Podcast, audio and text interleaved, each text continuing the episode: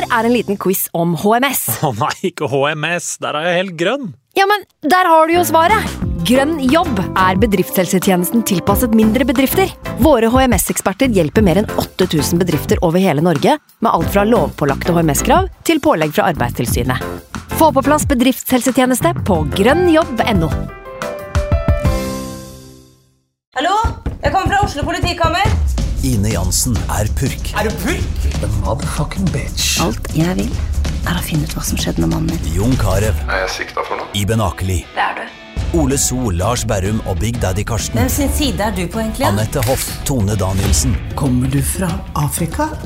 Jørnis Josef, Nesten. Kløfta. Trond Espen Seim, Det er synd å si det, men det var feil mann som døde. Purk. Premiere tirsdag på TV2 Play. I can't believe it. Football, bloody hell.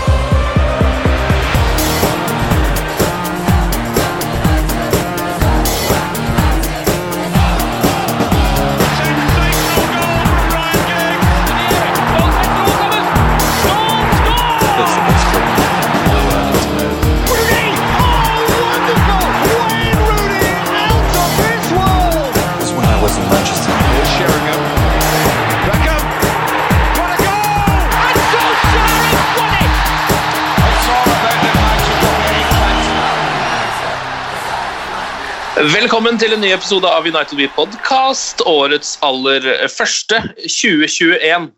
Velkommen skal du være, sånn så vidt, bare. Eh, Øyvind Eide, sportsdirektør i NTG, velkommen skal du være, vår mann på taktiske analyser. Takk. Godt å ha deg med, og godt nyttår. Godt nyttår. Ole Kristoffer Ertvåg, skuespiller, velkommen til deg også, og godt nyttår. Godt nytt år. Altså, Det er jo ikke den verste starten på et år for en Manchester United-supporter. Nå eh, ble det riktignok ikke noe ligacupfinale, men det ser jo ikke så verst ut sånn ellers eh, i Premier League eh, spesielt. Jeg vet ikke, Ole Kristoffer, hvis du har lyst til å eh, ta en liten runde på jula, hvordan var det å være United-supporter en jula her? Eh, ja, først, først av alt kan jeg jo si at uh, det er jo på mange måter Du sier at det ikke er verdens verste år å være nyttår å være United-sporter. Det er jo på mange måter verdens verste år å være menneske på, føler jeg. Ja, det er Men det. men det er en helt annen diskusjon. ja. Eh, jeg hadde det gøy i julen. Jeg, jeg må si at jeg er det, det største poenget mitt er at det, det er det gøyeste United-laget å se på siden 08-09-laget. Eh, de er ikke like gode, men de er veldig gøye å se på, og de er veldig likenes. Eh, så jeg, jeg, jeg er litt optimist om dagen, jeg, altså. ja eh, Kaller du deg selv forsiktig optimist, eller er du faktisk optimist nå? Nei, men jeg, nei, jeg er optimist, men mitt bilde av optimisme er ikke at vi skal vinne The Trouble, liksom. Eh, fordi der er vi ikke. Eh, min, min, det at det skal være gøy å se på, at det skal være Føle at du aldri blir rundspilt, og bortsett fra Eller jeg kan ikke huske en gang vi har blitt rundspilt. Eh, Iallfall ikke på mange, mange måneder. Å være oppe der, og det, det er der vi er. Ok, Øyvind, du som ser fotballen med enda litt mer taktiske briller, hva syns du om det du har sett av Manchester United denne den jula her? Jeg syns jo det ser bedre ut. Og når vi nå snakker om å spore litt optimisme, så syns jeg at det er all mulig grunn til det. Eh, Og det handler om eh, flere ting, egentlig.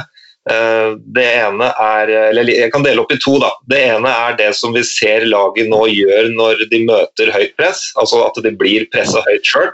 Og det andre er det vi ser når de møter lag som ligger i lavt press. Begge deler har på en måte vært en sånn utfordring for det mannskapet her hele Solskjærs periode.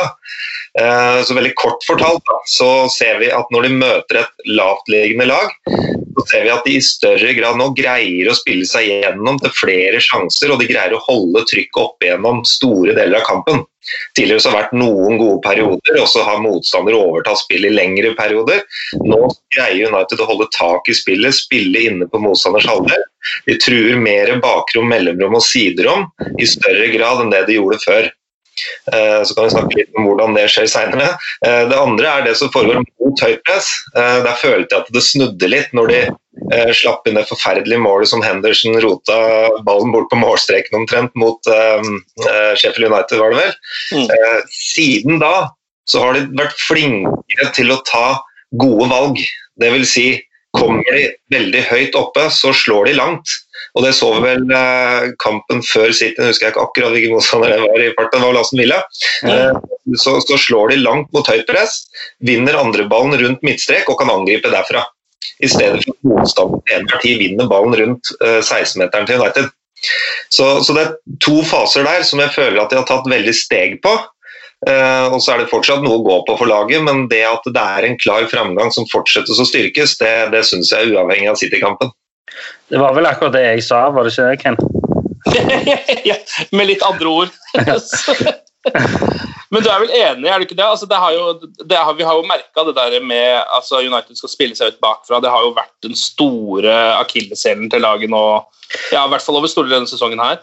For, for helt ærlig syns jeg jo laget har hatt ganske mange akilleshæler. Uh, og det er en av de, og så en klar nummer ni en annen ting. Uh, og litt, et lite holdningsproblem som jeg, som jeg ikke kan Vi kan ikke si det for sikkert, det har bare vært en følelse vi sitter her i et annet land og føler på. Eh, men det er bare noe med jeg, er jo, eh, jeg driver jo med følelser. Det er bare noe med følelsen når jeg ser på dem. Det, de, det virker som en annen gjeng. Eh, det er litt uforklarlig, og det er ikke så et taktisk begrep. Men, men det er bare De virker litt uinspirert, rett og slett, eh, for et års tid siden. Halvt års tid siden. Eh, men det Bare se på den kampen i går, da, som jeg ikke syns var altså Nå snakker vi om City-kampen eh, i ligacupen. Den syns jeg var helt katastrofe. Eh, den kunne like godt havna i Uniteds hender som City sine hender. De har et par ekstremt gode dødballer inn og en X-faktor i Kevin De Bruyne, men, men jeg synes spillemessig så er det liksom, Hvis du ser på taktikken til United, som ikke er å ha mye ball, så syns jeg kampplanen var helt ok. Jeg hadde ingen problemer med den kampen i går, egentlig. jeg. Når vi først er inne på kampplaner, Øyvind, hva tenker du om det måten Solskjær har både disponert mannskapet sitt på, og hvordan han har gått inn i kampene nå i juleperioden? Det har jo i hvert fall gitt resultater. Ja, det, det har det definitivt. Og, og, men det jeg stiller litt spørsmålstegn ved, er om Bruno Fernandes får hvilt nok. Ja. Uh, og han skal jo, han mener sjøl at han skal være i alt som skjer òg, men, men, det er noen ganger så er det et voksent ansvar da, å si stopp til barna. og Det blir, blir, litt sånn her også at uh, noen må begrense dette her på vegne av Bruno Fernandes sjøl. For selvfølgelig vil han være med til enhver tid, uh, men han trenger ikke å spille så mye som han gjør. Uh, og så vil noen si at jo, men se på da han ble satt ut av laget mot Western, og så holdt på å gå gærent, og så kommer han inn og så snur det. Eh, og det stemmer jo, men det var den kampen. Og så er det andre kamper som har, jeg, lever et annet liv. eh, og der tenker jeg at av og til så kan noen få vikariere litt mer. Da. Det er ikke snakk om at den skal være helt ute av laget over lengre periode, men i hvert fall som får hvilt litt mer. Da. Det tror jeg er gunstig. For det vi så litt mot City nå, da syns jeg vi så en Bruno som utover i kampen ga litt uh, svakhetstegn i forhold til energinivået.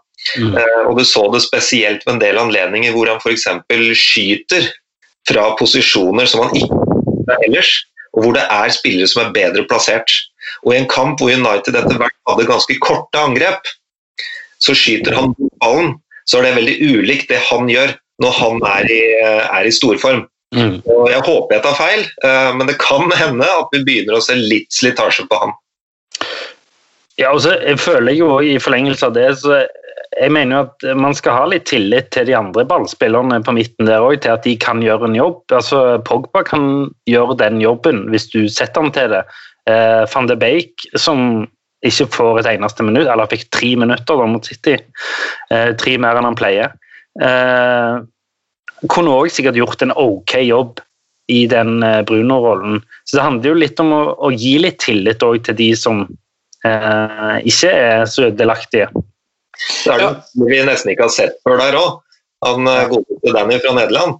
Han må få, muligheten til å spille noen minutter, han også. Ja. Og jeg tenker at Når vi kommer inn i et sånt juleprogram som det burde han ha fått lov til å spille seg litt mer varm i trøya før vi kommer dit. For det det endte opp med nå, er at han har ikke fått nok spilletid til å bli varm i trøya, og da kan heller ikke brukes. når, når kampprogrammet blir som det blir nå. Mm. Eh, så, så her eh, tenker jeg kanskje at han burde vært litt mer involvert. da. Ja, det er jo, altså, Jeg vet ikke om vi kan kalle det et problem helt ennå med Donny van de Beek. Siden det går såpass greit som det jo gjør, så er det jo på en måte Det å ha en ganske god spiller som ikke spiller så mye, er jo egentlig ikke et problem. Det er jo mer et luksusproblem på en måte. Men, men det er jo tross alt en spiller som er blitt investert eh, penger i, og en eh, spiller som vi kanskje hadde litt mer troa på. Hva er det som gjør at han syns det er så vanskelig å ja, finne sin plass i Manchester United? For han har ikke spilt bra når han har spilt heller, det må jo nevnes det. Eh, ja, men han har jo heller ikke fått muligheten til å være trygg nok i en rolle til å faktisk spille seg varm, som eh, Øyvind er inne på. Jeg føler jo også at eh, Bruno er en av grunnene til at han ikke har fått spilt, pga. at Bruno vil spille hver kamp.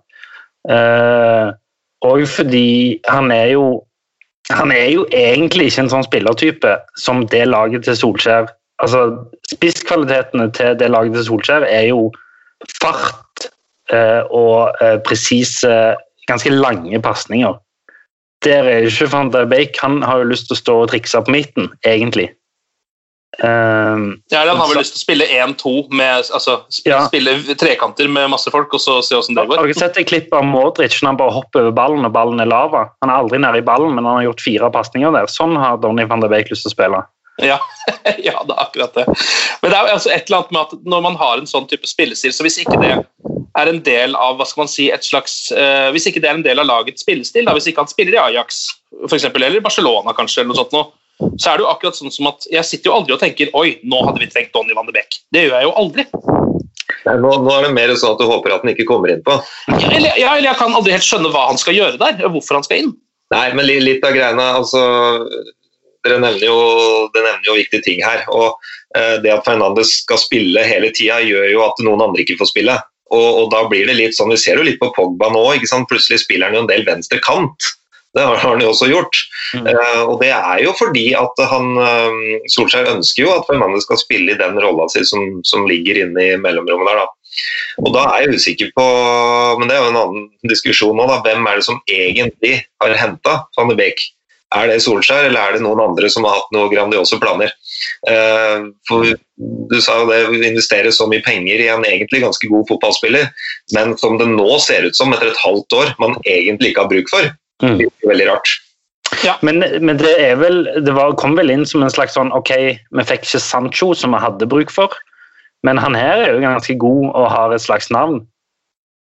Eh, Det virker jo som en sånn type signering. Ja, og også litt sånn, så er han ikke så dyr heller, så hvorfor ikke bare Nei, han koster liksom en tredjedel av Sancho. Du har hørt om han. Han har spilt Champions League. Det er liksom det er litt av det som er pitchen. Men eh, jeg tenker ellers at vi kan eh, trekke fram noen av de høydepunktene som har vært i løpet av jula. Det har jo vært flere. De har jo kommet litt på rekke og rad, egentlig. Så kan vi diskutere noen av de tingene som har dukka opp også. Eh, Det første jeg vil eh, trekke fram, er jo egentlig den store Scott McTominay-dagen. Eller de, sto, de store fire Scott McTominay-minuttene som var mot Leeds der. Da var det nesten sånn at man gnei seg i øya og begynte å lure på hva er det som skjer. Jeg mista nesten datteren min på ett år i gulvet. Det var helt eh, Ja, det var ekstremt gøy. Ja, For en deilig match. Jeg skulle ønske vi kunne spilt mot Leeds hver eneste runde. Det hadde vært så gøy å se på fotball hvis alle alltid hadde spilt mot Leeds. Men det er òg en diskusjon som er, Jeg er jo litt sånn fotballnerd på de der podkastene og sånn.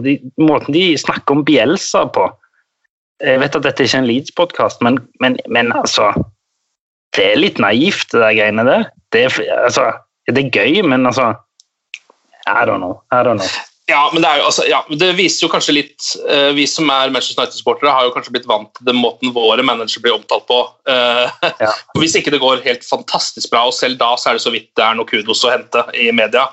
Uh, Ja, fordi der er det jo litt annerledes med folk som Bielsa. Apropos det, så syns jeg jo han har fått Hvis du skal veie opp den kritikken Solskjær fikk mot den uh, praisen han ikke får nå, når han ligger av poeng med Liverpool med en kamp mindre spilt, det er ganske drøyt. Er det ikke det? Jo, absolutt. Eh, Det er vel så vidt noen har begynt å si nå at kanskje det er noe der. at kanskje han kan så vidt eh, styre et fotballag. Men det, jeg vet ikke, hva tenker du, Eivind, Eh, Øyvind som selv liksom har, har trent lag og sikkert blitt skrevet om i avisene? Jo, det er jo Stort sett så er det jo sånn at eh, når det går dårlig, så er det trenerens feil, og når det går bra, så er det spillernes eh, ære. Ja. Eh, Og det, det ser man jo her òg, at når United vinner, så handler det om Fernandes og det handler om straffespark. Men man ser ikke så mye bak resultatene og de grepene som gjøres. For når de har snudd så mange kamper som de har gjort, altså nå var det på et eller annet tidspunkt her vi hadde vunnet seks bortekamper på rad, tror jeg, og da hadde de ligget under i alle. Mm. Og det er klart, da er det noen konkrete ting som trenerne gjør. Uh, og Da er det litt kjedelig å ikke få ære for det, selvfølgelig, men altså, mest sannsynlig så har de jo en finger med i spillet. når de alle de kampene. Noen ganger selvfølgelig så er det tilfeldigheter med stang inn og straffe og gode spillere som står fram, men som oftest så ligger det en taktikk i bånn der. da. Og, og, og det syns jeg at uh, når vi kjefter på Solskjær når det går dårlig, så må vi også kunne gi ham en klapp på skulderen når det går bra. Ja, så skal få et par-tre klapp på skuldra akkurat nå. for Nå, syns jeg han har gjort en ganske grei jobb altså, i løpet av den, eh, det som jo var et, et veldig hektisk juleprogram. og det er liksom, Dette her er jo eh, perioder på året hvor selv mesterne sliter. altså Guardiola sliter, Klopp sliter, Mourinho synes dette er et helvete på jord. Ja. Å komme seg gjennom dette her, så Det er jo en spesiell periode å være manager i. da. Eh, Ja, synes, men eh, hvis vi skal snakke om eh, Jeg syns jo han ter seg ganske ok i forhold til de andre grinebitene. Jeg syns jo eh, det, det, Du skal ikke, skal ikke mye feilskjær til før Kloppen og liksom Sutra eller Mourinho eller eh, og jeg, Personlig syns jeg den Villa-kampen 1.1. Det var noe av det, for det var en sinnssykt bra fotballkamp mellom to sinnssykt gode lag som gikk rett i strupen på hverandre. Eh, Der eh, selvfølgelig heldigvis United vant, men Villa var så jævlig med på notene, og det var så høy kvalitet i den kampen der.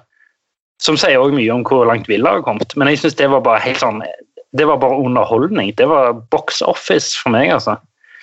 Jeg er helt enig, jeg koser meg også veldig med den kampen der. og selvfølgelig Det hjelper jo at United vinner den, for den kampen der er jo eh, på mange måter både en utypisk og typisk United-kamp. For det første så tar de jo ledelsen, det er jo litt uvanlig. Ja.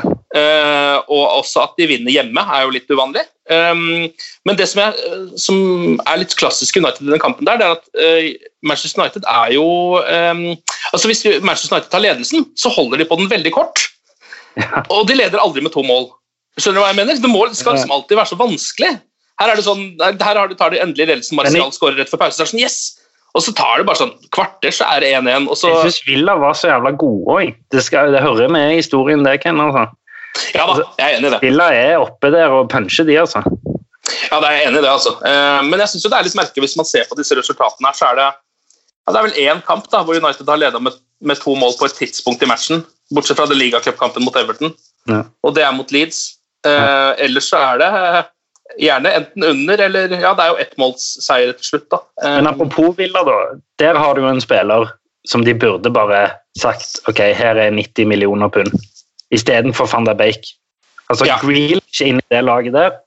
Han hadde, han hadde gått inn i det United-laget. Jeg har fryktelig sansen for Grealish, men det har noe også med brylkremen og de lave sokkene å gjøre. Eh, Men en nydelig spiller, da. Men hvordan tror du han passer inn i et United-lag, da? Får han plass i elveren, eller? Ja, men Nå har jeg sett litt mer på Aston Villa denne høsten her, nettopp fordi at de har jo hatt en eh, veldig god utvikling. Og eh, det var vel på et eller annet tidspunkt her så syns jeg så at eh, 40% av avslutningene til laget går via uh, Graylish, så han har en finger med i det meste av det som skjer. Og eh, han kan både spille inne sentralt og kan spille fra kant. og Det er vel litt av det som kanskje United her nå. Da, en ordentlig kantspiller. Det kan være Sancho, det kan være Graylish Også penger, men skal du vinne serien, så må du ha den type spiller. eh, I tillegg til de andre. Det holder ikke at det er noen topper sånn som det er nå, det må noen flere inn. Og Graylish er absolutt en spiller som eh, kan være med og, og, og, og gjøre det laget her enda mer si, konkurransedyktig i forhold til eh, eh, førsteplassen her. Da. En annen som jeg liker, er jo en i Leicester som heter Madison. Ja. Uh, han er nok li ikke på samme nivå, men han har absolutt noe, noe å bidra med. Og jeg tror kanskje han kan være litt tidligere, da. Ja, men det er noe med, det er noe med den uh, swaggeren til Grealish og det der sluttproduktet. Han har noen helt sinnssyke Og så får han så mye frispark. Se for deg Bruno og Grealish. Det er, det er liksom at han bare, han bare Gå i bakken, og så server jeg de inn. Gå i bakken, og så server jeg de inn. Det er liksom Det er sånn det kommer til å bli med Grealish. Ja, jeg vil gjerne mest- se han i rødt, altså. Han får mest frispark av alle i de topp fem ligaene. eller noe sånt, er ikke noe sånt? Jo, han får utrolig mye frispark. og Jeg så eh, bare noen klipp fra debutkampen hans i Premier League eh, for ikke så lenge siden. Da var han jo ung, da. Han var vel, jeg vet ikke hvor gammel han var, han var vel under 20 da han begynte å spille for Villa. Eh, og da var han jo bare halvparten av kroppsstørrelsen som han har nå. Eh, og ble altså Det var nesten som å se på Maradona i gamle dager. når Han ble bare pælma ned utpå der. I sin aller første kamp så fikk han et 25 frispark eller noe sånt. Så det er jo det er ganske bra, det, altså. Um, ellers så har jeg lyst til å trekke fram et annet høydepunkt, og det er uh, Cavani da han avgjorde mot Everton. Uh, det var veldig deilig, altså, um, i ligacupen der. Og ikke minst uh, når United-spillerne da står og feirer sammen etterpå, og Erik Bailly, denne nydelige mann, minner han på å måtte ta pil og bue-feiringa si, for det har Cavani glemt Ja. i alt oppstyret. Det, det, det som er veldig bra med Cavani altså Jeg er kjempefan av Cavani. Jeg har elska han siden eh, Uruguay i, V i forrige VM, når de herja og holdt på å slå ut alle lagene som var der omtrent, inntil Cavani ble skada. Da røykte de ut. Eh, og Han har fortsatt mye å by på, men det som er fint med han, er at han er han er sinnssykt rå innenfor 16-meteren. Han kan ta imot nesten alle typer innlegg. Det så vi jo på den eh, når han avgjør kampen på det som egentlig er et skudd vel, fra Fernandes der, som spretter i bakken, eller hva det er for noe, stupheaderen inn. Um, og, så er han veldig god i oppspillsfasen, for det han gjør ulikt av Martial f.eks. Er at Martial han vandrer veldig dypt ned i banen og skal ha ballen i føttene osv. Cavani han oppsøker bakerste forsvarsspilleren og står og sperrer han, så de kan spille opp i kroppen på øverste United-spiller feilvendt. Og Derifra så klarer han å holde på ballen, men han kan også flikke og stusse igjennom. Noe som jeg savner litt i det laget her, at det ikke bare er opp tilbake igjennom eller direkte i bakrom, men at det også kan spilles opp og flikkes. For det er utrolig vanskelig å, å forsvare seg mot. Og så var det jo litt eh, det som jeg var inne på litt sånn innledningsvis, eh, som bare er en sånn følelse at du har mangla en nier. Han, altså, du får jo ikke mer en klassisk nier enn Edison Cavani. Nei, og det er jo eh, litt frustrerende å se på Antonio Marcial innimellom. Um, nå har han jo gode og dårlige perioder. Han har kanskje flere gode og flere dårlige perioder enn noen andre ja, i Uniteds første elver. Da. Altså, han er den, føler jeg er den som er mest opp og ned der, kanskje. Eh, er jo nydelig når han er god, selvfølgelig, men um, ja, sånn som nå i det siste, da, du ser jo hvor mye han hemmer angrepsspillet til United. Når han ikke klarer å liksom være den tilretteleggeren, eller han klarer liksom ikke å spille de kombinasjonene. jeg vet ikke hva det er. I mine øyne er han den tredje beste midtspissen bak eh, Greenwood og Cavani. Men uh, nå er det ikke jeg som tar ut laget. Han er jo en målskårer, da, for så vidt. eh, til tid. Altså, han har jo hatt en tendens til å være ganske mye borte og likevel komme og putte et mål. Ehm, men ja, eh, vi har jo snakka mye om dette her før, Øyvind, at han er jo ikke en sånn Han er, ikke, han er jo rett og slett ikke en klar eh, klassisk spiss, egentlig. Nei, også, det er for så vidt uh, brukbare ferdigheter på han. Han, han, har, uh, han har mye som han kan gi et lag, men han er vel også nå i en sånn alder at du begynner å se det toppnivået han har. Jeg tror ikke han blir noe bedre enn det her, og da må man stille seg spørsmålet er det her det som trengs for at United skal vinne serien. Det er jeg ganske sikker på at det ikke er. Så, så, så det må en annen spiller inn der til slutt, det er jeg ganske sikker på. Uh, og han er heller ikke noe sånn derre Kavani er mye mer den goalgetteren som dukker opp der hvor ballen er om ett sekund. ikke sant? Uh, vi ser at United er et av de lagene som har skåret færrest mål innenfor femmeteren, f.eks. Uh, og det, det, er litt den der klassiske hvor er den som tar imot returen fra stanga eller fra keeperen, Mm. og skårer på det. Uh, sånn som De Brøyne nå gjorde uh, var det, Jeg husker ikke hvilken kamp det var, men han tar imot en retur som kommer innafor femmeteren omtrent, og venter og tar imot og skårer. Og, og, og, det er litt sånne type mål da, trenger vi også. Vi kan ikke bare ha de der hvor vi spiller lange gjennombruddsballer på Rashford eller eh, Fernandes og skårer på et langskudd. Vi må ha noen som kan skåre på sånne enkle, enkle tap-ins, som det heter, fra, fra kort hold. Ja, så tror jeg også det som jo er, ja, Om ikke like viktig, så er det jo også det at uh, Edson Cavani har jo et uh, hva skal man si, Han er litt mer sånn som Bruno Fernandes utpå der. da. Altså, han, uh, han nekter egentlig å tape. Han surner ikke, hvis du skjønner hva jeg mener. Det blir, går mer enn faen i han hvis laget spiller dårlig. Virker det sånn på meg, da, da løper han bare enda mer hvis det går dårlig. Mens Martial er jo totalt motsatt. Da er det fram med Martial-trynet, og så det, kan han egentlig bare byttes ut. Og så, og så, skjønner jeg ikke helt hvorfor ikke Greenwood har fått sjansen som i den posisjonen. da. Forhold, fordi han, er, han blir brukt på kanten, det er jo sikkert fordi han har fart og, og, og fintene og sånne ting, men jeg tenker Husker dere det målet mot Westham? Når han tar han på én touch, snur seg og måker ned i lengste. Altså, det, det, det der er jo helt ypperste verdensklasse, liksom. Eh, det er jo det, altså Hadde du sett liksom, Van gjort det der, så hadde du snakket om det i årevis. Det er en helt vanvittig skåring. Og han har jo de ferdighetene som er bare sånn Og så er han i mål, liksom. Jeg, jeg kan ikke forklare det på en annen måte enn den lyden der. den satt, den. Ja.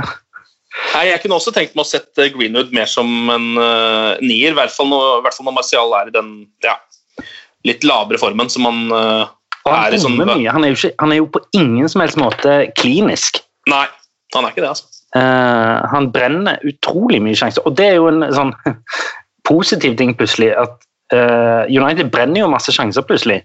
Husker dere når Moyes, van Gaal og delvis Mourinho, så var det sånn åh, der var den sjansen vi fikk denne kampen. Ja, ja. ja det jeg skjønner hva du mener. Nå brenner de jo sjanser i høyre og venstre. og Det ser, altså, det, det ser jo veldig lett ut å skape sjanser da, med det laget der. Det er jo veldig deilig å se. Sånn var det jo selv nå. Vi skal snakke mer om den kampen, men selv mot City. Mm. Altså, de hadde jo masse sjanser i den kampen, og i hvert fall masse som kunne ha blitt veldig store sjanser. Eh, Med litt mer presisjon. Det syns jeg også Øyvind var litt inne på. det at der, der skal Bruno ta litt av skylden, altså, for han sugde ganske hard balle i den andre omgangen. Ja, det- Og, og det var mange løp der som han heller kunne plukket ut istedenfor å prøve å skyte fra 40 meter. Vi skal straks eh, komme til å bare gjøre oss eh, ferdig med jula her først. Jeg har lyst til å bare nevne Erik Bailly generelt. Ja. Altså, når han først er tilbake igjen på laget der, viser han jo at han er en av de beste midtstopperne i Premier League akkurat eh, ja, når han holder hodet kaldt og ikke er skada. Ja, og- er, det, er det mot Aston Villa han har den blokkeringa, er det ikke det, på, på overtid? Jo. Altså, den den blokkeringa er verdt to poeng. Den greier ikke keeper å redde hvis den går forbi, for det er så nært mål. Ja, og Den kampen er han vel kanskje en av banens aller beste spillere også. Eh, og jeg synes han, han har jo noen helt andre kvaliteter. da. Når du setter han ved siden av Maguire eh, og får den farta der, så virker det jo plutselig Jeg vet ikke, jeg blir i hvert fall mye tryggere. Og det er ikke sånn at Bailly alltid har gjort meg tryggere. altså. Nei, Han er jo egentlig på mange måter et vandrende rødt kort òg. Ja. han voldtok jo Richarlison her uh, Ja, for et par uker siden. og han, han har jo de der som er sånn Oh, shit, han brakk beina hans. eh, Taklingene. Uh, men, hvis, men jeg syns jo absolutt uh, Som fotballspiller så er han jo Jeg vil heller ha han enn Lindeløf. Det er litt sånn Og jeg syns Maguire òg er jeg syns han er en god fotballspiller. Jeg, jeg syns han er en jævla bra Jeg syns han er iskald baki der. Han gjør litt sånn rare Det var vel for eksempel Det var vel han som var skyld i det første målet til City. Eh, egentlig, for da skulle han jo bare måke han vekk, men lot han gå. Men eh, jeg syns han òg har en sånn ro. Han og Bailly mot Everton, husker jeg, eh, det var, og Villa. Syns det, synes det begynner å ligne på noe. Jeg synes, eh, og der har jeg en liten sånn høne å plukke med oss i fan, eh, fanbasen. Jeg bare tar det nå, jeg, Kent. Fordi Ja, eh, jeg syns vi er jævla kjappe til å liksom fordømme folk. og sånn, Du er sånn, sånn Liverpool-supportere som sier sånn Nei, vi har alltid vært best i verden. Det sier de som gruppe, sant? og de er historieløse og historierike om hverandre når det passer de. Mens vår, vår akilleshæl er at vi skal absolutt være høyt eller lavt. Jeg har slutta å se på sånne fancams fordi det er enten helt ræva eller helt fantastisk. Det er aldri sånn OK, men dette er greit. ja. Jeg skjønner hva du mener, men det er, ja, er, ikke, er ikke det eh, Skal du si at det er det fine med å være fotballsupporter? Nei, absolutt ikke, men jeg bare mener at det er jo, det er jo liksom på en måte, det sier jo alt om psykologien til en Manchester United-supporter sånn post Ferguson, og egentlig med Ferguson også, for det er jo det som gjør at vi er som vi er nå. Altså, Det er liksom et eller annet Jeg vet ikke, det er, eh, det er et eller annet Sits Creek over det. Altså, Vi var en gang stinne av gryn, og nå har vi plutselig ikke noe lenger, på en måte, men så jobber vi oss sakte tilbake igjen og har begynt å ta over litt av byen igjen.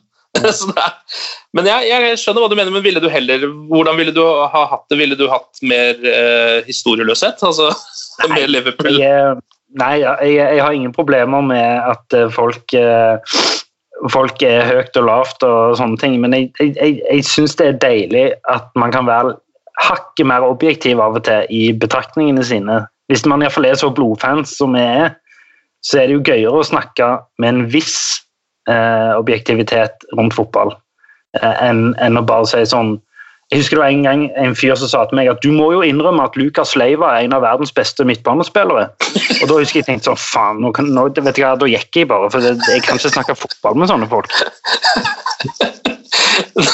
Nei, det er faktisk det jeg er helt enig i. Altså, jeg syns objektivitet generelt, egentlig, i den grad det er mulig, er den beste måten å gjøre det på Ja, ja. når man snakker fotball. Um, la oss uh, gå litt uh, fram til uh, nyere tid, for å si det så på den måten. Altså fram til dette året uh, og kampen mot Manchester City, som jo var i går. Um, jeg er litt enig med deg, Ola, at jeg syns egentlig ikke det var noen spesielt dårlig Manchester United-kamp. Jeg syns for det første at førsteomgangen var en fantastisk fotballkamp. Mm. Da, var det, da gikk det fram og tilbake. Det var jo tre annullerte mål på de første seks-sju minuttene, eller hva det var. Mm. Eh, flere store sjanser. To lag som sto godt til hverandre på en litt sånn rocky mot russeren-måte. Eh, altså Hver sin stil, men begge er, hvem er egentlig best, på en måte. Ja. Ehm, og så taper jo United matchen til slutt da på en eh, ja, Egentlig så er det jo den første målet til Stones som gjør at man skjønner at de taper den matchen. Og Maguire ja, mister det litt. Eh, men United er jo generelt ikke altså man blir jo, Når de får det frisparket, så vet ikke hvor med dere, men jeg tenker at med en gang at ja, nå kan det fort bli mål. Når det er liksom dødball mot United i en sånn posisjon. Ja, men det, det, hvis vi skal dele opp kampen litt, da, eh, så, så syns jeg at førsteomgangen er eh, ganske jevn. Det er to lag som har ja, lyst til å angripe, lyst til å, presse høyt, i motsetning til det vi så eh, tidligere i desember når det ble 0-0, hvor det egentlig to lag som var veldig forsiktige. Uh, Turte ikke å avgi rom. Og nå var det to lag som ville presse høyt hele tida. Eh, Men det var en vesentlig forskjell i førsteomgangen for, eh, for meg som skilte litt mellom laga, da, som gjorde at jeg syns City hadde et lite overtak også i første omgang. og Det var måten de treffa høyt på. Og Det var egentlig en enkel detalj hvor eh, når United presser høyt, så er de flinke til å stå oppe de nærmeste.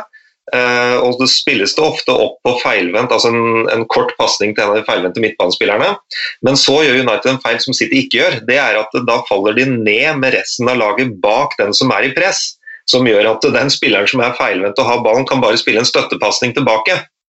Og så er City-spilleren rettvendt, og de kan vende spillet eller slå fram igjen.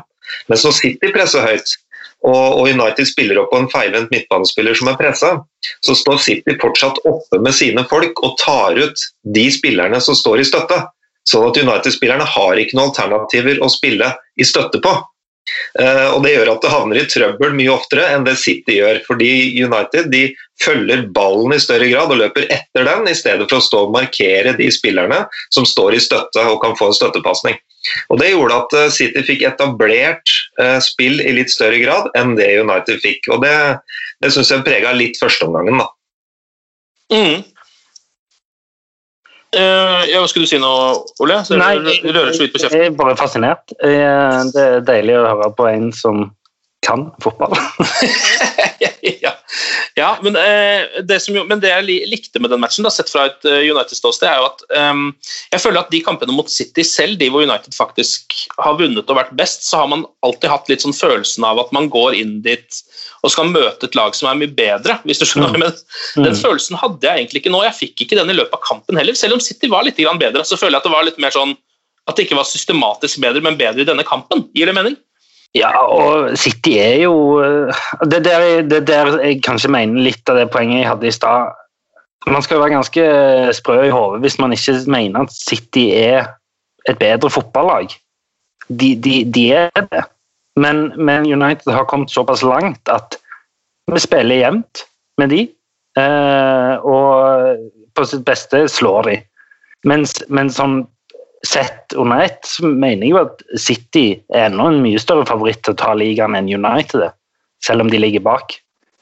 Det, det tror jeg. og det vi også kan se som skiller litt i angrepsspillet til de lagene, det er at eh, City har litt flere strenger å spille på. og Det handler litt om spilletyper og litt om eh, samhandling. Eh, United de er litt for endimensjonale nå. Nå ser vi at de spiller fryktelig mye på én side. Altså De spiller eh, 44 av angrepene sine på venstre side. Og der er De faktisk, de har bare ett lag foran seg på den tabellen for å gå hos deg, eh, over de lagene som spiller mest på venstre side. Mens på høyre side så spiller de eh, færrest angrep i serien. Så, så de, de blir veldig sånn endimensjonale, for å kalle det det. Eh, og Det handler jo mye om at Rashford har spilt på venstre, Pogba har spilt på venstre, Shaw har vært veldig offensiv og god på den sida, mens høyresida er litt mer sånn overlatt til seg sjøl. Og det tror jeg kanskje kan eh, bli litt forutsigbart for motstandere. City var definitivt eh, klar over det, og, stengte litt de korridorene. Eh, og da fikk United litt trøbbel. Og Det var nok også litt av årsaken til at vi så sånn som Fernandes da, ble litt frustrert. litt sånn lav på energi, som vi snakka om tidligere. Som gjorde at han kasta bort en del, en del baller der. Så, så, jeg håper, eh, når du møter Liverpool nå, så må du ha litt mer strenger å, å, å spille på enn en det. Ja, United har jo, eh, har jo, ikke hatt noe høyreside, egentlig. Eh, sånn, det er jo veldig tilfeldig hvem som spiller utpå der. og det er litt sånn Greenwood ikke... har vel spilt mye der, kanskje? Jo, han har spilt en del der. så har vel, ja, Mata har ikke spilt mye der, men vært innom. Men nå i det siste så er det jo faktisk Marcus Rashford som har spilt på høyre. Ja. Det er akkurat som at men det er jo bare fordi Daniel James er så dårlig. Ja, ja, absolutt. Uh, han har jo også spilt litt der. Um, men så nå har han jo begynt med den der litt sånn Pogba ut på venstre og, Rashford på høyre for å kanskje ja. rett og slett prøve å bruke den sida litt mer. da. Jeg vet ikke, jeg setter vår beste ving utpå der isteden, men uh, du ser jo at Marcus Rashford trives egentlig ikke så godt med det, tror jeg, da. Nei, Rashford er jo klart best når han kan komme fra, fra, venstre og skjære inn med høyrefoten sin. ikke sant? Det er jo der han har mest selvtillit også. Det blir noe helt annet når du kommer fra venstre. Nei, fra høyre, sorry. Eh, men, men, det vi også skal være klar over, er at Shaw har levert ganske bra eh, i, i jula, syns jeg. Det, for min del så er det en av hans beste perioder, syns jeg. Ja. Det er det ene. Og det andre er at vi har jo en uh, Van Bissaka der som uh, ja, hva han gjør med ball. Altså det, han slår bort utrolig mye baller, og jeg vet ikke alltid hva det er han prøver på. Nå hadde han jo et kjempeinnlegg her som plutselig ble mål, men, eh, men, sånn på generelt grunnlag så, så er han for svak uh, offensivt, dessverre. Ja, han er det, men jeg kan liksom til en viss grad uh, ikke frikjenne han, men uh, altså Shaw og Rashford har jo spilt snart 50 kamper sammen ute på venstresida der. Så de har jo en slags forståelse for hverandre og har liksom Um, ja, de, de, har i hvert fall godt samspill, da, mens eh, Van Bissaka spiller med forskjellige folk ut på den sida der hele tiden. Jo, han rekker jo heller aldri helt å liksom jeg vet ikke, Det er jo vanskelig å finne noe, noe mønster i det han skal gjøre utpå der òg. Men det føler jeg jo at altså, han er jo, Det er jo en jævla rar spiller, fordi du er mer trygg på han når det andre, når det andre laget har ballen, enn når han har ballen. Når han har ballen, så blir jeg sånn Å, nei, nei, nei, nei, nei, nei, nei, nei, nei. Mens når det andre laget har ballen mot han, så tenker jeg sånn He got this. He got ja. this. Så, ja. så, han er jo liksom best uten ball. Det er alle aware det der. Man håper egentlig på at han skal få en bare litt for lang touch, og så sklitakle den forbi. Mm. Uh, og så ta den med seg da er den forbi en mann, liksom, for det er lettere for han enn å drible, tror jeg. Uh, ja, han bruker jo en halvtime på ei overstegsfinte. ja, det er rart å tenke på at han faktisk har vært wing. Altså, det kan jeg ikke se for meg engang, hvordan, hvordan det skal funke. Um, men um, hva tenker dere da? Det er jo da altså fjerde strake semifinaletap for Ole Gunnar Solskjær. Kommer dit, men ikke lenger. Uh, og da blir det jo plutselig fryktelig langt til pokalene, da. Ja, ikke at jeg er så veldig opptatt av å gå til ligacupfinalen, egentlig, men det, ja, en liten pokal kunne vært ålreit. Ja, men det, det, det, er noen ting eh, i forbindelse med det Vi skal helle litt kaldt vann over eh, United-supportere nå. Um, det er noe med at når du akkurat ikke kommer dit du ønsker, så betyr det jo at du egentlig ikke er god nok. Og Da er det spørsmålet skyldes det spillergruppa eller trenerteamet. Det skal ikke jeg svare på, det kan folk tenke som de vil om, men, men, det ligger noe der at på et eller annet tidspunkt så må Solskjær også bevise at han kan ta seg til en finale, ta seg til noe sølvtøy som han kan vise fram hjemme. Eh, for det, det, vil ikke holde over tid å være akkurat ikke bra nok. Nei, nei, nei det er jeg helt enig i og, det, og, sant, og der har du òg eh, eh, I forhold til Fangal, som ble sparka to timer etter han fikk sølvtøy òg. Så, så, det er liksom det Av og til er ikke det godt nok heller. Se på Arteta, liksom, som, er, som var veldig nære sparken for et par uker siden antageligvis. Det er ikke mer enn et halvt år siden han vant FA-cupen. Nei, og det, akkurat det der er jo litt sånn jeg vet ikke, Hvordan stiller du deg til det som supporter, uh, Ole? Fordi For meg så er det litt sånn at uh, hver gang jeg ser at den neste kamp er en cupkamp, nesten mm. samme om det er ligacup eller FA-cup, så, så, er det litt nedtur. rett og slett. Så ærlig skal jeg være, det er, det, det er ikke Premier League. og Jeg, altså jeg var eh, på Wembley på Van Gals siste kamp, den du nettopp nevnte. Ja, de vant FA-cupen. Du var der, du òg, ja? Ja, ja. ja? Da burde vi ha kjent hverandre. Kunne vi ha gått og feira etterpå, men det gjorde vi ikke. Uansett, så, Um, jeg var på den kampen, men for meg så vil jeg fortsatt liksom rangere uh, den kampen under Champions League-seieren mot Leipzig, en kamp jeg så på TV uten publikum. Mm. Hvis skjønner hva. Det er et eller annet jeg sliter med. Jeg sliter med de cupene som Ja. supporter. Det tror jeg det handler litt om Hvis du hadde spurt en engelskmann på 70 år, så tror jeg han ville sagt annerledes. Fordi der er antageligvis FA-cupen eh, det han er vokst opp med, og det som betyr mest, nesten mer enn ligaen. ikke sant? Så det handler jo litt om, om eh, det, det vi er vokst opp med, er jo Premier League og Champions League, eh, på en måte. Så det, det, det er nok litt individuelt òg, men, men eh, jeg er enig i at liksom Og det sa jo alltid Førgesen òg, at eh, ligaen er the bread and butter, liksom. Det, det er ligaen som er hele greia, og, og Champions League, men da, skal så jævlig mye klaffe. Men altså, jeg er jo litt sånn Jeg, jeg syns jo de beste kampene er de du tar de andre topp seks-rivalene i ligaen. Heller det enn å slå de i en kvartfinale i cupen. Ja, og det, ja, jeg vet ikke, det sier jo på en måte litt om standingen til disse Så Øyvind, cupene. Sånn. Øyvind, Øyvind smiler lurt her nå. Han har noe, noen innvendinger her. Nei, men øh, det var litt morsomt. for jeg, Apropos underholdning for de og det du syns er de beste kampene. Nå ser du med United-briller, da. Jeg gjør ikke det i så stor grad. Men jeg syns faktisk noen av de mest underholdende kampene jeg ser, det er, to, det er kamper mellom to lag som må vinne. Og det vil si sånn som Brighton mot West Bromwich f.eks. Ekstremt underholdende, for det er jo de kampene hvor de lagene må vinne. De skal jo ikke vinne mot United og City og det der, så da gjør de jo hva de kan for å ødelegge.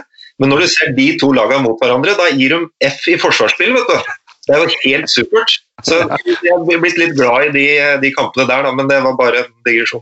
Ja, ja, nei, jeg er enig. eh, Sånn sett så syns jeg jo at eh, I forlengelse av det du sier, Ken, at Premier League som produkt er jo helt ko-ko nå. Det er, jo, det er jo den beste TV-serien jeg har sett på år og dag. Ja, og nå er det altså eh, United og Liverpool som ligger på topp der da, med 33 poeng. Eh, United har én kamp eh, mindre. Den skal spilles mot Burnley eh, 12.1. Da kan jo altså United da ta ledelsen med tre poeng før møtet med Liverpool på Anfield. og Da begynner Eller- vi liksom å snakke. Eller ett poeng. Eh, Det, Eller ett poeng med en uavgjort. ja. Ja. Eller de går jo forbi, med- eh, Hvis de unngår å tape, så er de, leder de jo serien inn på Anfield der, som er litt sånn eh, Det kan være vårt trofé i år, antageligvis. Å lede serien eh, før Anfield. Jo, men altså det, ja, det sier jo litt om hvor vi har kommet, selvfølgelig. Ja. Men, men samtidig, altså, eh, jeg syns det må være mulig å kunne kose seg litt med det. Da, for hvor lenge er det ikke siden United i det hele tatt har, har hatt altså, Nå er vi snart midtveis i sesongen. Ja da. United har mulighet til å vinne ligaen. Altså, sånn, nå skal ikke vi eh, være for optimistiske Nei. og være slemme mot oss selv, men, men United er i en posisjon, da, og de skal møte Liverpool nå. og Den kampen er plutselig liksom større enn den kampen har vært på mange mange år. da. Absolutt. Jeg tror, men jeg tror det er viktig det ordet du sier der. Det er en mulighet, men det er ikke eh, De er ikke Jeg vil si at per i dag, i mine øyne, så er de kanskje tre eller fjerde favoritter. Altså Jeg rangerer både Liverpool og City og kanskje Nei, bare Liverpool og City. Nummer tre. De er Ja. kanskje tredjeplass i rekken på den odds, eh, kan jeg se for meg. Ja, men, ja. Det, det, det, ja, unnskyld. Men eh, ja, eh, må ikke glemme Leicester oppi det her, da. De, Nei, de ser eh, ganske skarpe ut, altså, men jeg tror ikke de har dybden i stallen til å kunne henge med hele veien. Men det jeg tror for United sin del, og også litt det som kan være en akilleshæl for Liverpool denne sesongen nå, er at de slipper inn for mye mål. Eh, nå ser vi et City og Tottenham-lag som slipper inn eh, 13 og 15 mål på 15 og 16 kamper, mens eh, Liverpool United ligger jo oppe, United er allerede oppe på 24 mål på 16 kamper og holdt nullen bare fire ganger. Mm. Eh, De beste lagene, de lagene som vinner serien, de slipper inn under ett i snitt. Det, det gjør de ikke så langt. Jeg leste en sånn uh, statistikk eh, med, Var det det Milan-laget med Baresi og, og Maldini og den gjengen der? De, de, de skårte ett mål mer enn de som rykte ned. Og de vant serien. ja. Fordi de slapp ikke inn mål. Det er the Italian way. eh, det der. Em, vi kan jo også ta med oss litt sånn nyheter på tampen her. Nå har jo eh, Marcus Rashford eh, blitt eh, ja, en Det har vel sånn kåring som et sånn fotballobservatoriet eh, driver med. CIES heter de. De kårer da de 100 spillerne i verden med høyest markedsverdi. Og Marcus Rashford er plutselig på topp der. Han har bytta plass med Kylian Mbappé, som nå er på femteplass, hvor Marcus Rashford var for akkurat et år siden. Så han har jo hatt et godt år. Marcus Rashford. Uh, ja, det får han si. Det får han si. Men eh, jeg mener jo at han er Dette kan jo Øyvind mer om enn meg, men sånn, jeg syns jo Nå har jo jeg eh, United-briller på òg, men jeg syns jo han er Han er verdensklasse, altså. Jeg syns det. Ja, men han er jo det. Bare husk på den skåringa mot uh, Sheffield United, da, når han får en 60 meters lang pasning som han demper med vrist i, i høy fart og legger den bare en meter foran så han kan skyte i neste steg. Altså Det er ingenting som lugger i den avslutninga. Det er jo helt fantastisk, men det, det han kanskje mangler litt, det er det vi snakka om tidligere med, om Kavani, det er å være der hvor ballen kommer til å lande om et sekund. Hvor han bare kan bytte de der typiske goalgetter-skåringene de, de mangler kanskje for at den skal altså Tenk hvor mange mål han kunne skåret av hvis han hadde til det også. Han skårer jo bare vanskelige mål. Nesten alle målene hans er jo sånn Oi, hvordan fikk du til det der, Markus? Men det er greit, det. Men det er sånn som Ruud van da, ikke sant? skåra alle sine mål innenfor 16 og veldig mye innenfor femmeteren. Solskjær òg, var jo alltid der. Så, så det er liksom kanskje en del av spillet som han kan bli eh, litt bedre på, da, men ellers er han jo helt, eh, helt fantastisk. Han, jeg syns jo liksom alt det Mbappé-snakket og Jeg syns jo han skal være med i samme åndedrag eh, der, altså. Som Mbappé og Haaland og, og den gjengen der, altså. Ja, Braut Haaland er på andreplass i denne kåringen her, foran Trent Alexander Arnold. Og så er da Bruno Fernandes på fjerdeplass, faktisk. Så det er eh, to Manchester United-spillere høyt opp her, og så Kylian Mbappé, da. Men det handler litt om på 24. showbiz òg, da. Det handler litt om altså, eh, Det er jo litt sånn eh, eh, the adored, never ignored. Det er jo sånn, United-spillere er jo verdt 30 millioner mer enn alle andre bare fordi de har flere følgere på Instagram og sånne ting. Ja, det er jo Det stemmer nok, det.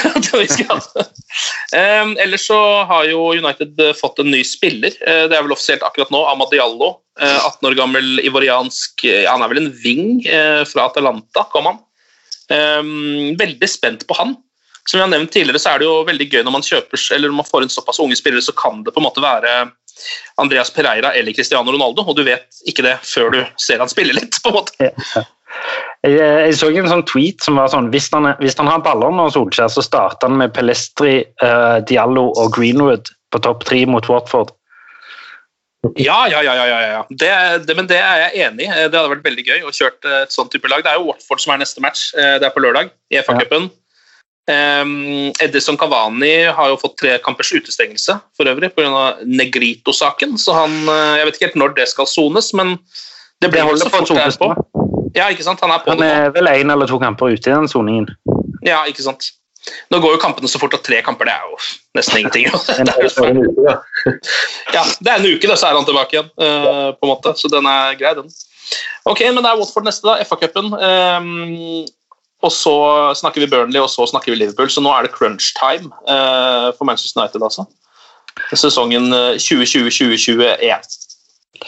Ja, og hvis, hvis de går inn eh, tre poeng foran Liverpool i den kampen, så skal i hvert fall jeg bruke det for alt det er verdt. det syns jeg, jeg er viktig. Det må vi alle gjøre. Ja. Nå, er det, nå har det vært nok fra den, eh, fra den gjengen der.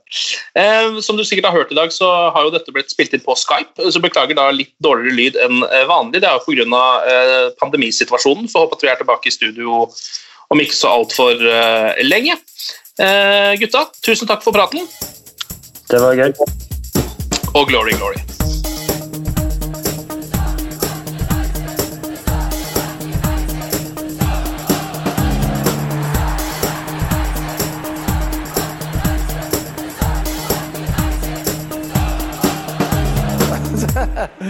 It's true. I've seen many things. Moderne media. Ukens annonsør det er matkasseleverandøren Hello Fresh. Der kan du velge mellom 25 ulike oppskrifter hver uke, eller få Hello Fresh til å sette sammen en meny for deg. Jeg sparer tid på å handle, oppskriftene er veldig enkle å lage, og så får jeg akkurat det jeg trenger da, til hver eneste rett, så jeg slipper å kaste så mye mat som jeg vanligvis gjør. Det er også litt deilig å faktisk slippe å gå på butikken, ikke bare fordi det er tidkrevende og sånn, men fordi man ender opp med å kjøpe så mye greier som man egentlig ikke trenger, sånn som fire poser eh, Smash og en kick med havsalt, eksempel. Det er ikke det du egentlig er der for, du er der for å kjøpe, kjøpe middag.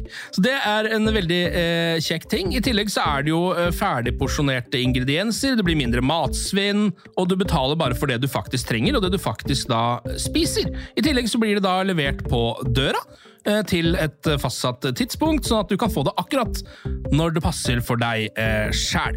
Hvis Hello Fresh høres ut som noe for deg, så har jeg en rabattkode du kan bruke også. Gå inn på hellofresh.no og bruk koden HelloUnited24. HelloUnited i ett ord, også 24, og få opptil 1779 kroner i rabatt på de fem første matkassene dine hvis du ikke har prøvd Hello Fresh ennå. Du kan også bruke koden hvis du tidligere har vært kunde, men har stoppa abonnementet ditt for tolv måneder siden eller mer. Det er ingen bindingstid, og du kan pause eller avslutte abonnementet ditt akkurat når du selv måtte ønske. Husk koden HelloUnited24, og bon appétit! Ukens annonsør er Folio, en smartere banktjeneste for deg som har en egen bedrift eller ønsker å starte for deg selv. Folio er en superenkel nettbank for bedrifter. Som kunde i Folio får du en bedriftskonto med et bedriftskort og app. I denne appen er det smarte løsninger som forenkler regnskapet ditt, uansett om du har en liten bedrift eller et enkeltpersonsforetak. Folio er både intuitivt og brukervennlig, og er laget med et enkelt språk. I tillegg tilbyr de forutsigbare priser og ingen skjulte gebyrer. Skulle du likevel trenge det, så kan du snakke med deres raske og hyggelige kundeservice, og der får du prate med en faktisk person og ikke en chatbot. Folio er med andre ord både enklere og koseligere enn banken. Over 10 000 bedrifter har allerede valgt Folio som sin banktjeneste, så besøk folio.no og se hvordan Folio kan forenkle din hverdag også. Har du et enkeltpersonforetak eller en liten bedrift? Da er du sikkert lei av å høre meg snakke om hvor enkelt det er med kvitteringer og bilag i fiken, så vi eh, gir oss her, vi. Fordi vi liker enkelt. Fiken superenkelt regnskap.